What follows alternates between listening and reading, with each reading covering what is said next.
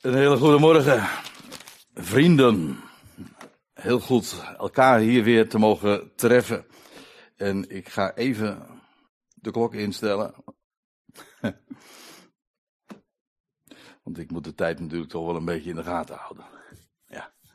Nee, maar het is heel goed om elkaar hier inderdaad weer uh, te zien en te treffen. En ik ben blij dat ik ook weer het voorrecht geniet om uh, met u het woord van onze God te openen.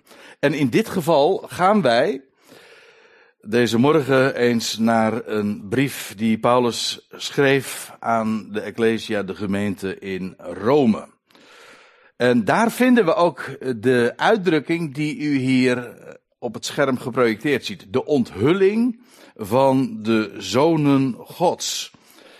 En de aanleiding is, is deze. Ik heb afgelopen week, gisteren om precies te zijn, een, uh, een bijbelconferentie uh, meegemaakt. De Goed Berichtconferentie. Ik heb hem zelf uh, mogen organiseren. In Garderen hadden we deze dag. En toen heb ik in mijn verhaal, in mijn referaat, ook gesproken over, over dit Bijbelgedeelte. Dat ging eigenlijk over het feit dat er één is aan wie God alles heeft overgegeven zijn konings, het koningschap. De grote erfgenaam is hij, maar hij zal dat straks ook daadwerkelijk in bezit gaan nemen. Hij heeft het al, maar straks zal hij het ook daadwerkelijk gaan claimen. En dat lot wat hem is beschoren, dat wat hem is gegeven, dat deelt hij met een aantal ja, schepselen die hij daarvoor heeft uitgekozen. En dat zijn de zonen Gods. Nou, dat wordt in Romeinen 8 op een prachtige wijze uh, beschreven. Om niet te zeggen bezongen ook soms. Want als je nou het, het slot, waar we trouwens niet meer over na zullen denken. Maar als je het slot leest, dat is als bekend eigenlijk als een soort lofzang. Op, op wat ja, het God zich heeft voorgenomen en wat hij allemaal gaat doen. En alle eer is ook daadwerkelijk niet alleen maar als abstractie of als een holle frase, maar is daadwerkelijk ook aan hem. Dat wil zeggen, hij doet alles. Hij heeft bedenkt alles. Hij realiseert het en hij brengt het allemaal tot het goede einde dat hij zich heeft voorgenomen. Daar kan dus niks in misgaan. Waarom? Omdat hij het totale regie heeft over alles. En ja, dat maakt natuurlijk ook die hele boodschap die Paulus ook in deze brief zo geweldig fundamenteel uiteenzet. Want er is geen brief waarin hij dat zo uh, grondig, fundamenteel uh, uiteenzet, bewijst, aantoont als juist deze brief, deze eerste brief in, uh, eerste Paulinische brief uh, in ons Nieuwe Testament. Ik zei al, we gaan dus naar Romeinen 8 en laten we dan aanhaken bij vers 16. Eerst was daar nog gezegd, en nu lees ik even uit de NBG-vertaling, dat God ons niet, wij hebben niet ontvangen een geest van slavernij, om opnieuw te vrezen. En dat doelt eigenlijk ook op de, de positie van Israël onder de wet, want dat was eigenlijk een positie ook van slavernij. Maar wij hebben ontvangen een geest van zoonschap, staat er dan, uh, door welke wij roepen, Abba Vader. We hebben het zojuist trouwens ook gezongen. Dat is, de, dat is de intimiteit waarmee wij met God in aanraking gekomen zijn. Hij is niet alleen maar onze God, maar hij is ook onze vader. Hij zorgt voor ons en wij kunnen bij hem dus aankloppen uh, in zoals een kind dat bij vader doet. En daarom roepen wij ook in vrijmoedigheid, Peter zei het zojuist nog in zijn gebed, in vrijmoedigheid, Abba, vader. Maar daar zit meer aan vast, want dat is niet alleen maar een kwestie dat wij kinderen zijn, maar ook dat we zonen zijn. Laten we daar nog eens op inzoomen. Eerst dit, vers 16, daar staat, de geest zelf getuigt, samen met onze geest, dat wij kinderen van God zijn. De geest, dat moet je dan even terugbladeren. Nou ja, in hetzelfde hoofdstuk zegt hij nog. in eh, een paar versen eerder, dus in hoofdstuk 8, vers 9. Dan, zegt hij, dan, dan spreekt hij over Gods geest. Uh, aangezien Gods geest in jullie woont, indien echter iemand Christus geest niet heeft, deze is niet van hem.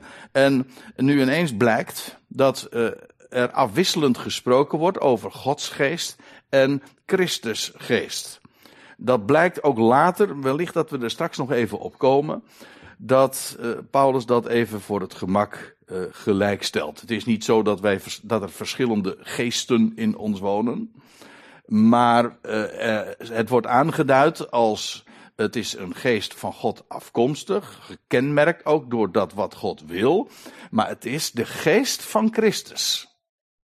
Dat is meer specifiek nog. Het is een geest van Gods wegen, jawel. Maar wiens geest is het dan? Wel, dat is de geest van Christus die woont in ons. En die geest van Christus, en hoe zou die anders dan tot ons komen dan door dat wat hij gesproken heeft? Christus heeft gesproken. Je moet het heel letterlijk ook nemen. Heel concreet je voorstellen. Dat wil zeggen, Christus heeft zich geopenbaard, letterlijk, vanuit de hemel aan Paulus. Heeft hem niet alleen maar geroepen, later heeft hij hem ook geïnstrueerd. Paulus is naar Arabië gegaan en hij heeft daar uh, geruime tijd ook, ja, heeft de Heer hem onderwezen. Dat, dat schrijft Paulus ook in de Galatenbrief. Dat hij, het evangelie wat hij brengt, dat heeft hij niet van, van Petrus of van Johannes of van een mens vernomen. Nee, van Christus zelf. Die heeft hem dat ge, gegeven, maar sterker ook nog geleerd, onderwezen, onderricht. Dus dat woord van Christus is tot Paulus gekomen om vervolgens dat, dat hij dat onder de natieën zou gaan bekendmaken. Wel, dat is ook in Rome terechtgekomen. Dat woord dat Paulus rechtstreeks via Christus heeft gesproken. Wel, dat is uh, daar in Rome ook terechtgekomen. Dat woord, wel, daarvan, uh, dat woord, en daarmee geest, maar woord en geest, dat is een, ja, is een beetje een, een, een theologische kwestie natuurlijk. Want dat wordt heel dikwijls uit elkaar getrokken. Hè? Je hebt woord en je hebt geest. En sommige mensen die zeggen van ja, jij hebt het uh, altijd maar over dat woord, maar de letter zegt, dan zegt men, hè, dat is een bekende, uh, bekende uh, tegenwerping dan die trouwens erg van onkunde getuigt, daar niet van. Maar dan zegt men van ja, maar de letter dood, de geest maakt leven. Dat gaat dan allemaal om geest en dat is dan uh, tamelijk uh, wazig als je, het, als je daarover doorvraagt. Want waar hebben we het dan over? En dat is dan inderdaad, ja, in de praktijk komt het toch neer op een gevoel. Maar dat is volkomen ten onrechte. Woord in de Bijbel is geest. De Heer Jezus zegt bijvoorbeeld ook in Johannes 6: Mijn woorden zijn geest en leven. Dat is dus niet twee. In dat woord komt geest en daarmee ook leven en kracht mee. Dat is wat uit zijn mond voortkomt. Adem, geest, lucht, ruach, pneuma, hoe het ook maar heten mag. En dan, uh, het is die geest, namelijk zijn woord, dat tot ons komt en dat getuigt dat wij kinderen God zijn. En omdat het ook onze geest bereikt heeft en instemming gekregen heeft, getuigt zijn geest dat via zijn woord tot ons komt, met onze geest vervolgens, omdat we het mogen aannemen.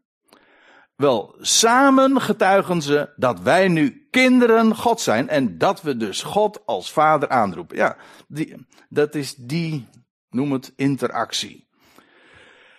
Nou, zegt Paulus dan. Uh, indien nu kinderen, als we dan kinderen zijn.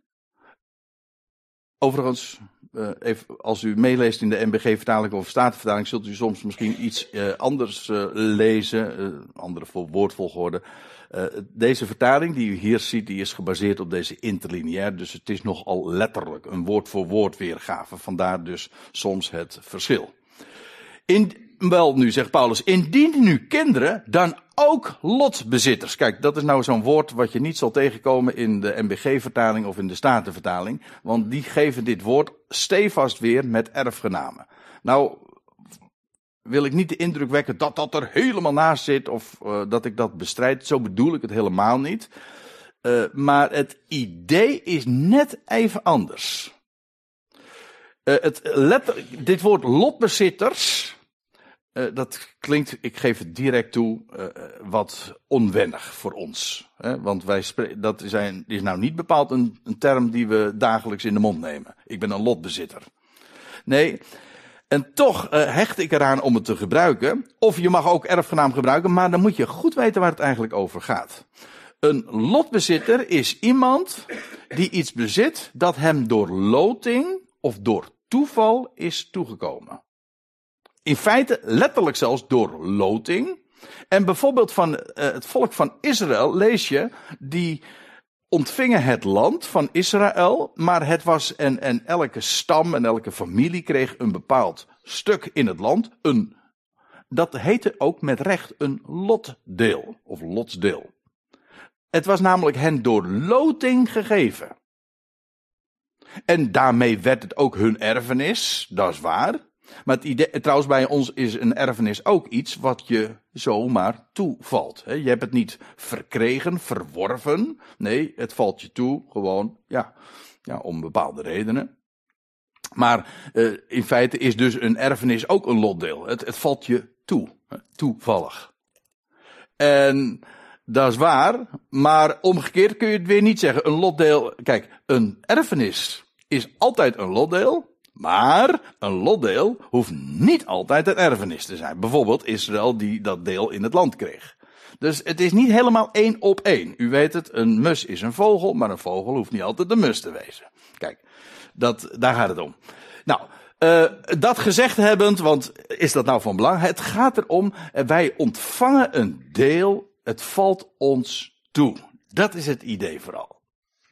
Het, het, het, idee is dus niet van uh, het valt ons toe doordat er iemand gestorven is, want zo werkt een erfenis dan. Maar dat hoeft niet de gedachte te zijn. Indien wij nu kinderen zijn, wel zegt Paulus, dan zijn wij ook lotbezitters. Want die twee horen bij elkaar. Lotbezitters, of zo u wilt, erfgenamen, ik gebruik de termen nu gewoon door elkaar dan weet u meteen waar we het over hebben. Uh, erfgenamen of lotbezitters van God, dat wil zeggen we krijgen het van Hem. Maar samen lotbezitters of mede-erfgenamen, de, zeggen de meeste vertalingen dan, van Christus. Aha. Dus hij is het.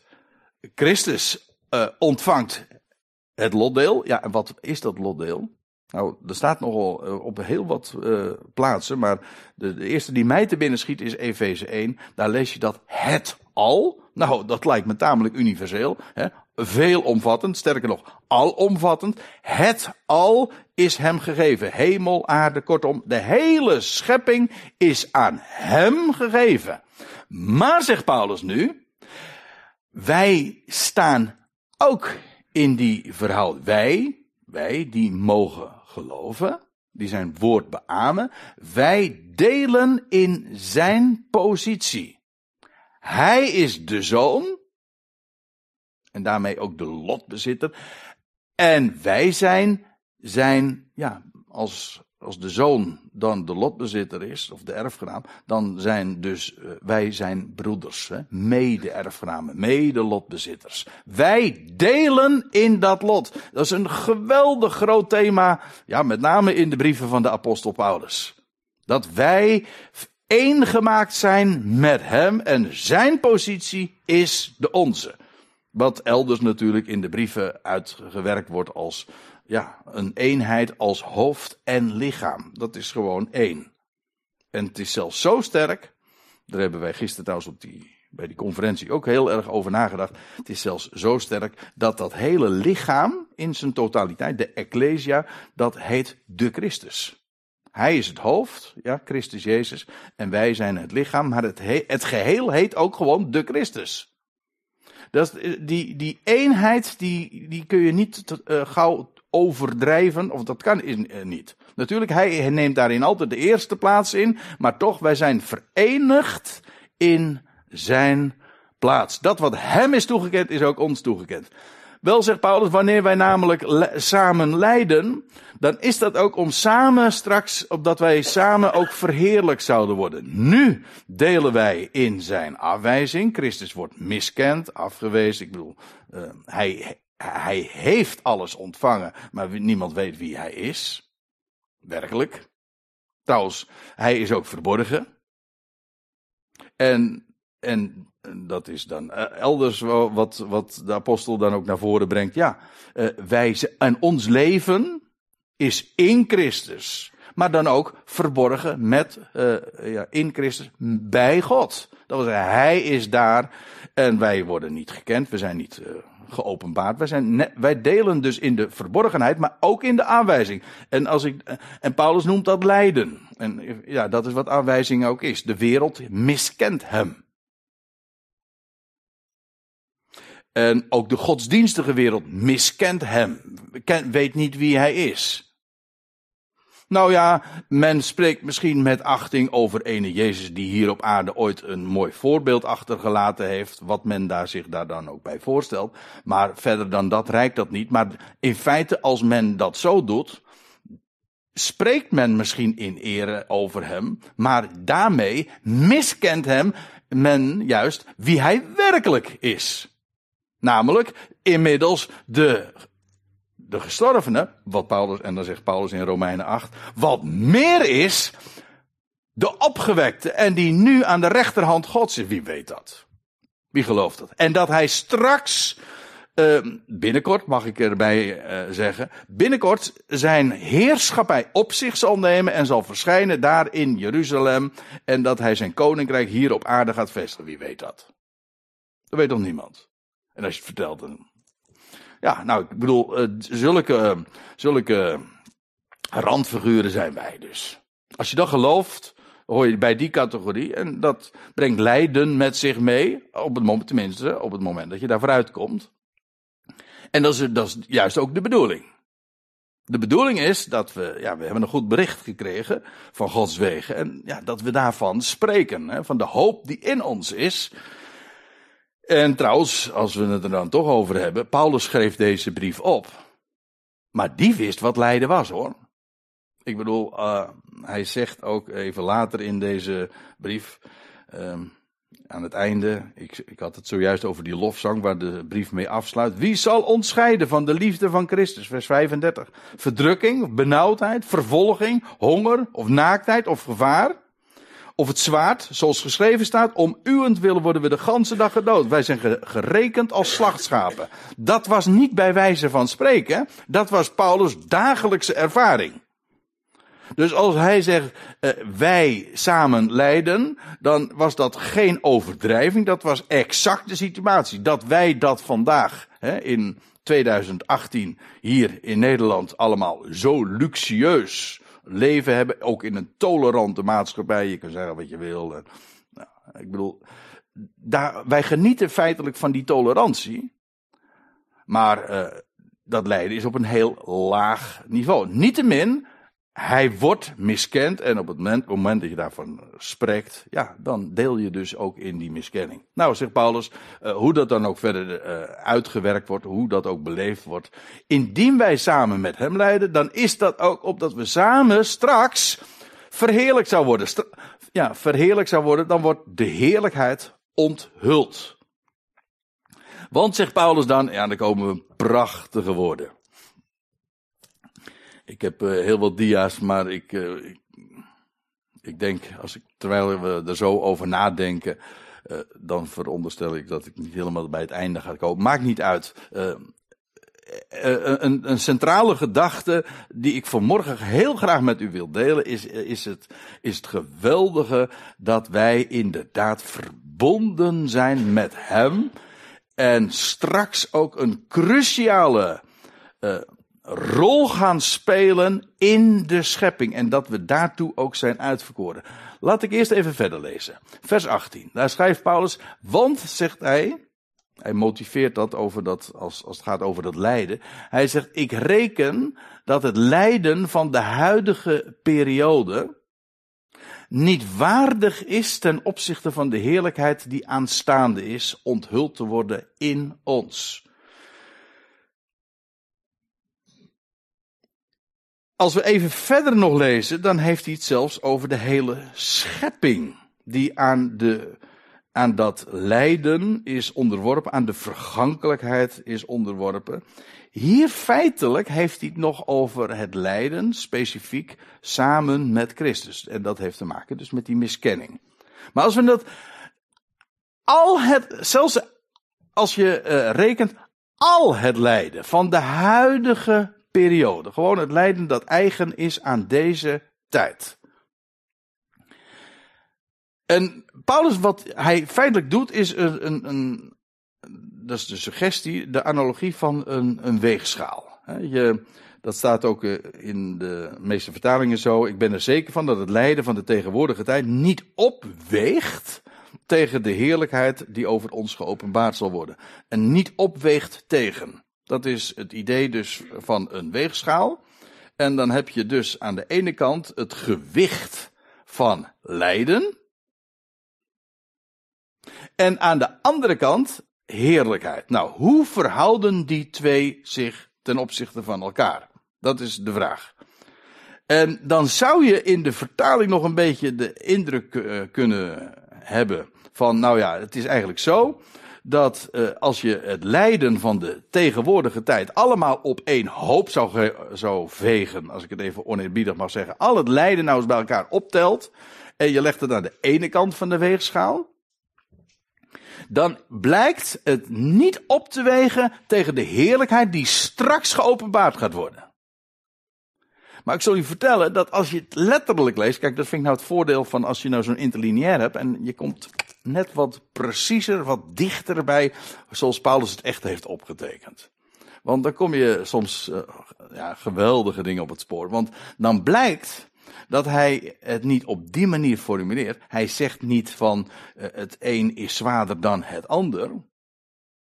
Dat is al geweldig trouwens hoor. Laat ik, laat ik dat erbij zeggen. Het is geweldig natuurlijk om te realiseren van dat hoe zwaar het lijden nu ook is. En denk daar eens over na. Tel al het leed. Nou is bij elkaar op dat geleden wordt. De tranen, de moeite, het, de pijn. Ik weet niet hoe je dat moet meten. Maar tel, tel de intensiteit, de, de emotie, de, ja, het leed, de passie eh, bij elkaar op. En vergelijk dat met de heerlijkheid. Wel, Paulus zegt, straks is het veel groter. Nee, en, nou, en dat is nou even mijn punt waarom ik erop wijs.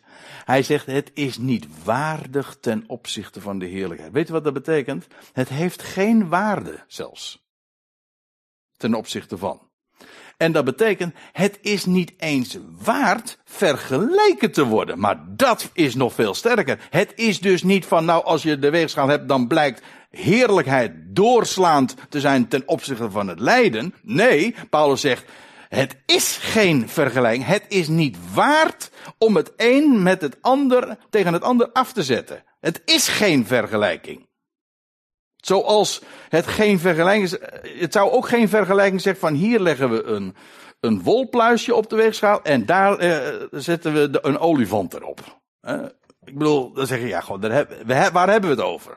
Dat is geen vergelijking. Dat is nu maar niet een kwestie van het, eh, hij slaat door naar de ene kant. Nee, het, het is geen vergelijking. Het is niets waard. Dat, dat is eigenlijk wat hij zegt. Het is niets waard op het moment dat je oog krijgt. Dat is trouwens een geweldig geheim in, in het leven in het algemeen. Dit is, want we hebben het natuurlijk over hoop en over verwachting en over wat God zegt. Maar als je, als, kijk, als het alleen maar theorie is, heb je er geen bal aan. Nu bedoel ik. Waar blijft het toch wel hoor? Of nou gelooft of niet en of je nou beleeft of niet, dat maakt niet uit. Waar is het toch wel?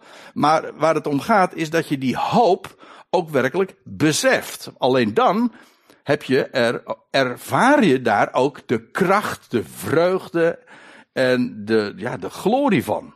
Sterker nog, ik durf te beweren dat als je die hoop hebt, dan krijg je pas echt leven. Juist ook in, en dat geeft een enorme kracht en drive om dit lijden, ik bedoel deze tijd, te doorstaan. Want dat geeft je, ja, nou ja, niet alleen stabiliteit, het geeft je vrede, maar het geeft, um, ja, wij zeggen hoop doet leven. Nou, dat is ook zo. Zonder, als je werkelijke hoop hebt, daar niet slechts over praten, nee, echt hoop hebt, verwachting hebt, weet wat er gaat, weet wat er gaat komen, dan verandert dat je hele perceptie, je hele beleving uh, van de huidige tijd. Waarom niet? Ik kan vele voorbeelden gewoon geven als je weet uh, wat, uh, wat je te wachten staat. Hè, aan, aan, aan, aan iets prachtigs. Dan, ook al bevind je je momenteel dan in een hele penibele situatie. Je hebt al, je, als je weet dat gaat komen, ja. Nou ja, dan zeg je even kiezen op elkaar, maar wauw. Paulus maakt, eh, niet alleen Paulus trouwens, eh, op diverse andere plaatsen lees je in de schrift ook de vergelijking van een vrouw die in barensnood is. Trouwens, dat is Romein 8 ook, ja. De, schepping die in barensnood is. Ja, eigenlijk dat, dat, dat ja, gooi, waar, praat ik over? Ik bedoel, ik heb het alleen maar van uh, enigszins van nabij gezien. Maar ik bedoel, ik weet niet wat dat is. Maar dat moet toch niet, uh, geen pretje zijn. Maar hoe, hoe kun je dat, toch zeg je, een vrouw is in blijde verwachting. Ja, waarom? Nou, dat lijden, dat wordt uh, weer compleet vergoed door dat, ja, wat de blijde verwachting oplevert, namelijk het nieuwe leven. Geweldig dat als je zo mag uh, staan in het leven, dat en dit mag beseffen, dat dit de, het lijden van de tegenwoordige, van de huidige periode, het is niets waard ten opzichte van de heerlijkheid die aanstaande is. Die aanstaande is onthuld te worden in ons. Zo staat het er letterlijk. Ja, niet alleen maar aan ons en aan de schepping, maar ook in ons. Want het voorgevoel, of uh, ja, de Statenvertaling zegt, dat is een wat lastig begrip. Het komt maar één of twee, nee, twee keer voor in het Nieuwe Testament. Dus die spreekt van uh, met opgestoken hoofden is de schepping. Als je de, het woord even ontleedt, dan heeft dat inderdaad iets te maken met van een gevoel dat je hebt dat dat gaat komen. Vandaar ook voorgevoel. De MBG-vertaling zegt met rijkhalzend verlangen. Nou, het idee is vooral, uh, je hebt, je weet, de, laat ik het zo zeggen. De schepping, heel de schepping, is erop ge, ja, op gebouwd en heeft ook het idee, er gaat iets komen. Wat weten we niet?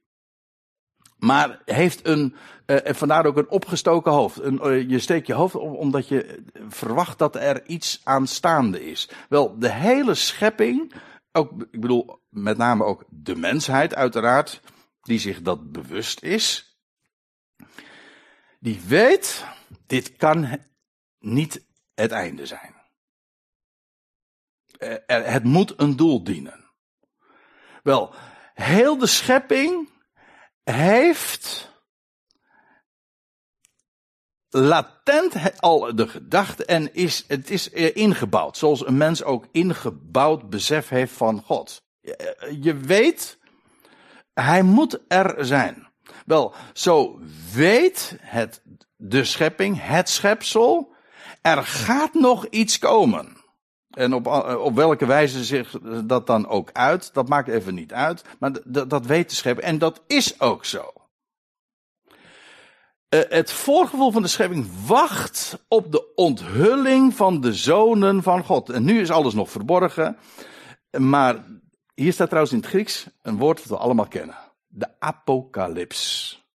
En dat is een mooi woord, want als je het uh, ontleedt, dan betekent het eigenlijk het wegnemen van een omhulling zoals je een, een, een, standbeeld hebt dat, waar een doek overheen is uh, gelegd. En dan wordt het standbeeld bij gelegenheid onthuld. Dat wil zeggen, de omhulling, de doek, wordt weggetrokken. Zodat dat wat er altijd al was, ineens zichtbaar wordt. Want dat is het idee. Het was er wel, maar het werd niet gezien.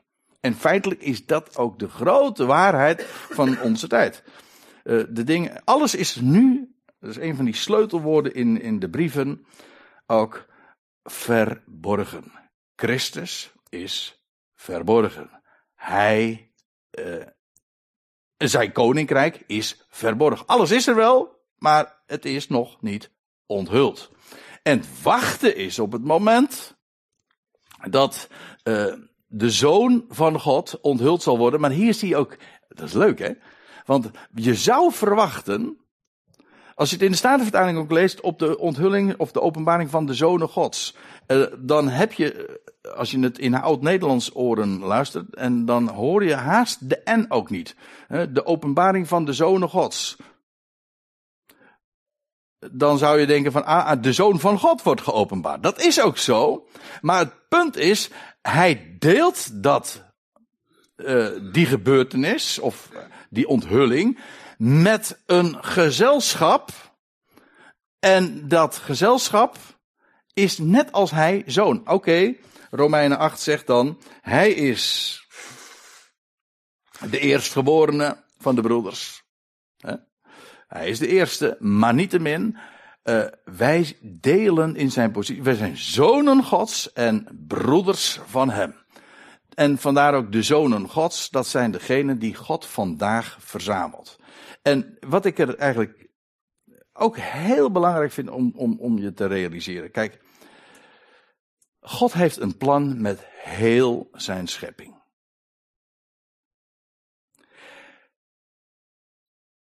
Hij kiest uit vandaag een gezelschap. Ecclesia, het woord ecclesia betekent eigenlijk ook een uitroepsel. God roept vandaag mensen uit.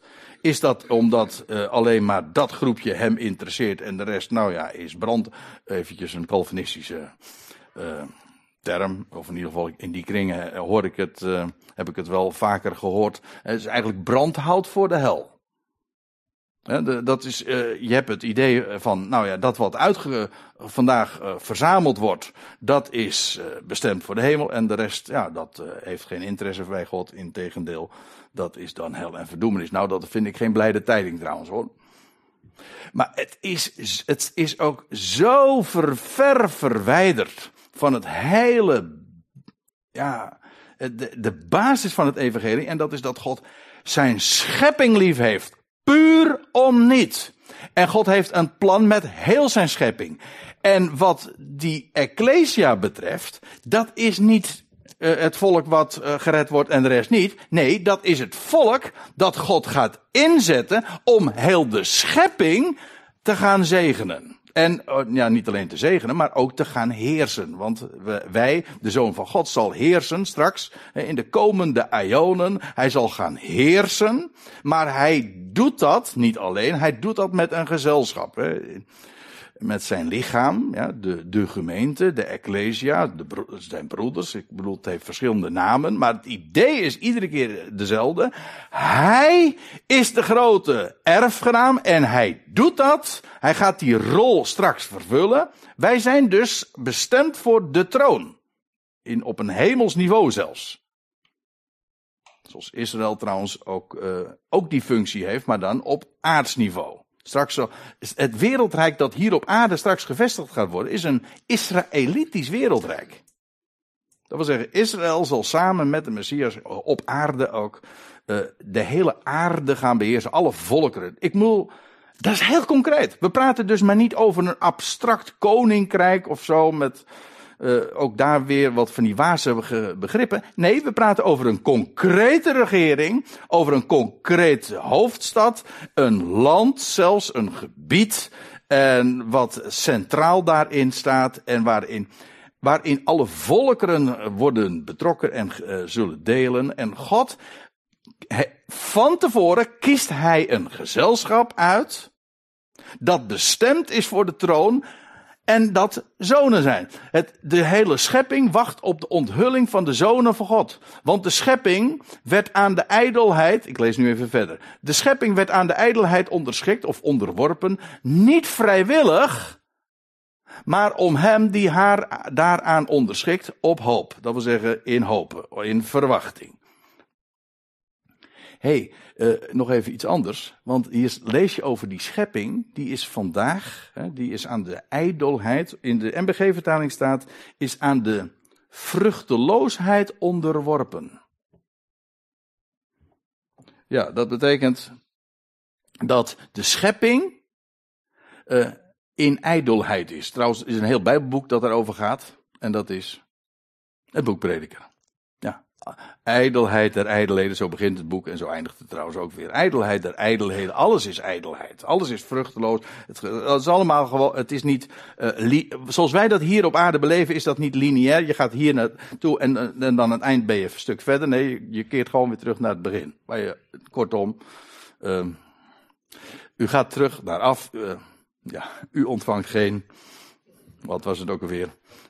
Geen startgeld. Nee, gewoon, je bent weer terug bij af. Uh, zo, zo, heet dood trouwens ook. Gewoon, je bent weer terug. Uh, een terugkeer is het. Het is gewoon heel circulair allemaal. De kringloop des levens. noem het een, recycleproces. Ja. Dat roept weer andere associaties op. Maar in ieder geval, dat is het.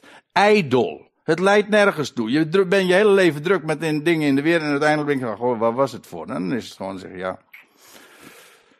Dat is trouwens ook de, uh, de ervaring en de conclusie die veel mensen uh, op een gegeven ogenblik, vroeg of laat, als je slim bent, vroeg, en als je minder slim laat, maar uh, toch moet zeggen, ja, waar heb ik me druk om gemaakt, zeg.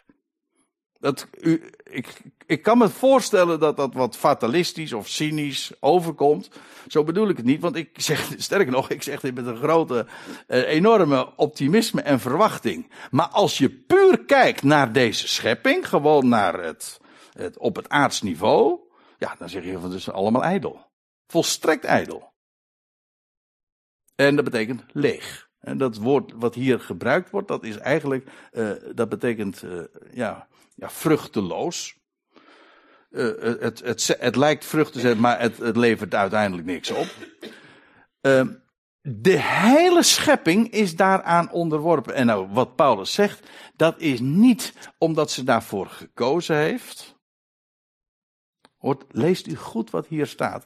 De schepping is niet aan de ijdelheid onderworpen omdat het schepsel daarvoor gekozen heeft.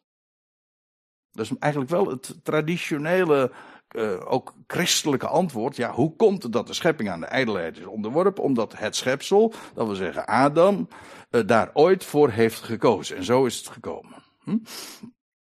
Nee, zegt Paulus, dat is helemaal niet vrijwillig. God heeft, God heeft de wereld aan de ijdelheid onderworpen.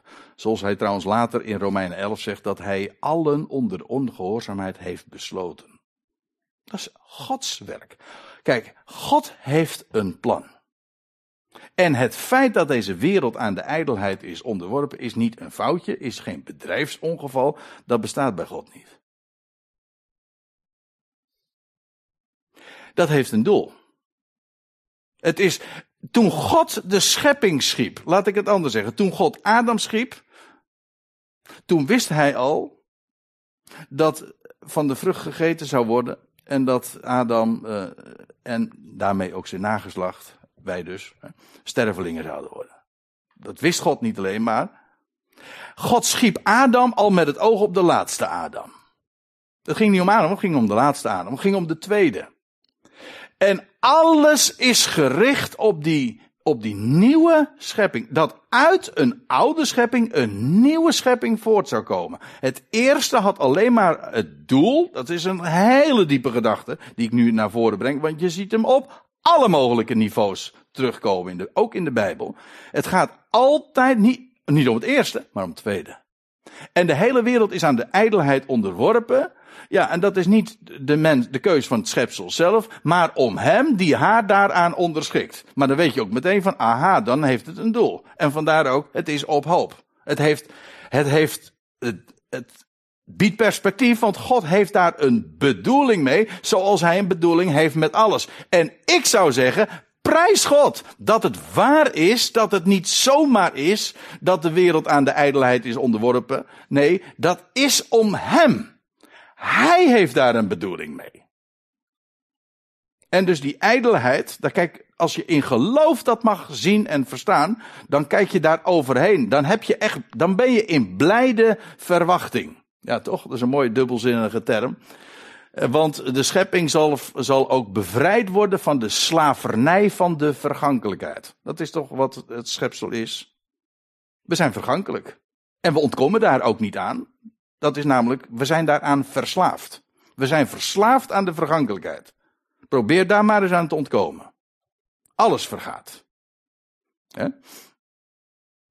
Moet ik voorbeelden gegeven? Nee, dat is eh, onzinnig. Want alles is vergankelijk. En, is dat, en dat is ook trouwens die ijdelheid. Het, gaat toch weer voorbij. Het vergaat. De schepping zelf zal, zal bevrijd worden. Aha. Dat is dus het perspectief. Van de slavernij van de vergankelijkheid tot de vrijheid van de heerlijkheid van de kinderen van God. Ja, die daarin eerstelingen zijn. Want wij weten dat tot nu toe heel de schepping tezamen zucht en tezamen barensweeën heeft. Of in barensnood is. Dat is hetzelfde dus. Dus de, de schepping vervult daarmee de functie van een, een moeder. Eigenlijk van een zwangere vrouw. Het lijden, wat, eh, zoals het hier getypeerd wordt, is het lijden van een zwangerschap. Dat alleen maar zijn functie heeft, als je dat niet, kijk, als je dat niet weet, als je het lijden van deze wereld niet kent als zwangerschap, dan, dan denk je van ja, goh, waar, waar is het goed voor? Nou, het heeft een functie. En dat blijkt pas aan het eind van de zwangerschap. Namelijk bij de baring, hè? bij de openbaring. Ja, ja. Bij de verlossing. Wat een dubbelzinnige termen zijn dat. De, de verlossing die straks zal aanbreken. Het zijn allemaal uh, termen die ja, zowel geestelijk, uh, bijbels zien waar zijn, maar ook gewoon direct gekoppeld zijn aan, aan de hele zwangerschap. De schepping is een zwangere vrouw. Zoals God trouwens ook, dat is een geweldige beeldspraak. God is de vader. En hij, hij, heeft deze wereld inderdaad lief en heeft ook en heeft gemeenschap ook met deze wereld en heeft haar zijn liefde bewezen en daardoor is er nieuw leven ontstaan in deze wereld. De, de, de beeldspraak gaat heel diep en is heel, um, ja, heel veelzijdig. Wat, wat toch geweldig. God als man God is de Vader. Hij heeft deze schepping lief. En hij heeft nieuw leven verwekt door opstanding. En daardoor is de wereld in blijde verwachting. Hij heeft zijn zaad gegeven, het zaad van de wedergeboorte. Ja, en daardoor is deze wereld bezwangerd. En nu in lijden, jawel, maar het is lijden van, een, van, van weeën, van, van het barensnood. En het wachten is op de verlossing. En uh, niet alleen zij, uh, niet alleen die schepping, maar ook wij. Wij delen net zo goed, wij als gelovigen, in dat lijden. Uh, wij, ja, ik bedoel, wij zijn toch ook net zo goed deel van die schepping als de rest. Al, al is het waar dat wij een geweldige functie hebben als eersteling. Wij die de, de eersteling van de geest hebben. De eersteling, dat wil zeggen, dat is de eerste van de oogst. De eerste vrucht. Dat is een hele belangrijke Bijbelse gedachte dat als de oogst binnengehaald wordt, of dat nou de gerst of de tarwe of de whatever. De eerstelingen, die worden, die zijn voor de Heer. Dus dat geldt trouwens ook voor kinderen. Uh, al wat de baarmoeder opent, dat is mijn, zegt de Heer. Dat komt aan mij toe. Het, het, eerste is voor mij, krijgt de hoogste positie. Maar dan zie je ook meteen hoe geweldig het is om bij die Ecclesia te horen. Om nu al uitgeroepen te zijn, want dat betekent, aha, we zijn eerstelingen, maar dat betekent ook dat we de hoogste positie krijgen. We zijn bestemd voor Hem en daarmee ook inderdaad de, ja, de eerste, de first, de voor, de voorste, ook de vorst. Dat wil zeggen, we gaan voorop. Die functie vervullen we. Dus niet wij wel, de rest niet. Nee, de hele schepping en wij als gelovigen mogen daarin eerstelingen zijn. En straks betrokken te worden bij dat geweldige plan wat hij uitwerkt in de toekomende eeuwen. Ja, dat is dan, uh, en dat wordt dan allemaal openbaar bij de zoonstelling. Als ons lichaam uh, ook verlost zal worden. De verlossing van ons lichaam, daarmee wil, daar wil ik het dan maar bij laten, want ik zie dat de tijd dringt. Uh, de verlossing van ons lichaam betekent niet, je zou het zomaar kunnen opvatten. Ik, ik heb het wel eens een keer zo gehoord. En toen dacht ik, wat een misser als je het zo uitlegt. De verlossing van ons lichaam betekent dat we van dit lichaam verlost worden. Nee, het is niet dat we van. De gedachte is niet helemaal onjuist, maar het punt is niet, wij worden van het lichaam verlost. Ons lichaam wordt verlost. Dat is een heel andere gedachte. We worden niet van, van het lichaam verlost. Nee, het lichaam wordt verlost. Dit vergankelijke lichaam gaat plaatsmaken voor een nieuw, onvergankelijk lichaam. En dat is die verlossing. Heb je weer die dubbelzinnige term. Hè? We wachten op de verlossing. En ja, dan, dan worden we openbaar hè, als de zoon. Ja, en dat is die onthulling van de zonen gods. En ja, het is geweldig als je, als je daar enig licht op mag krijgen. Wat God nog voornemens is, ook in de komende wereldtijdperken. En hoe hij ons als Ecclesia op het hoogste niveau, ik bedoel hemels, gaat inzetten om zijn koninkrijk in de hele schepping te openbaren. Totdat uiteindelijk inderdaad het doel bereikt is. Want één ding is zeker, als God zich een doel stelt, dan realiseert hij dat ook.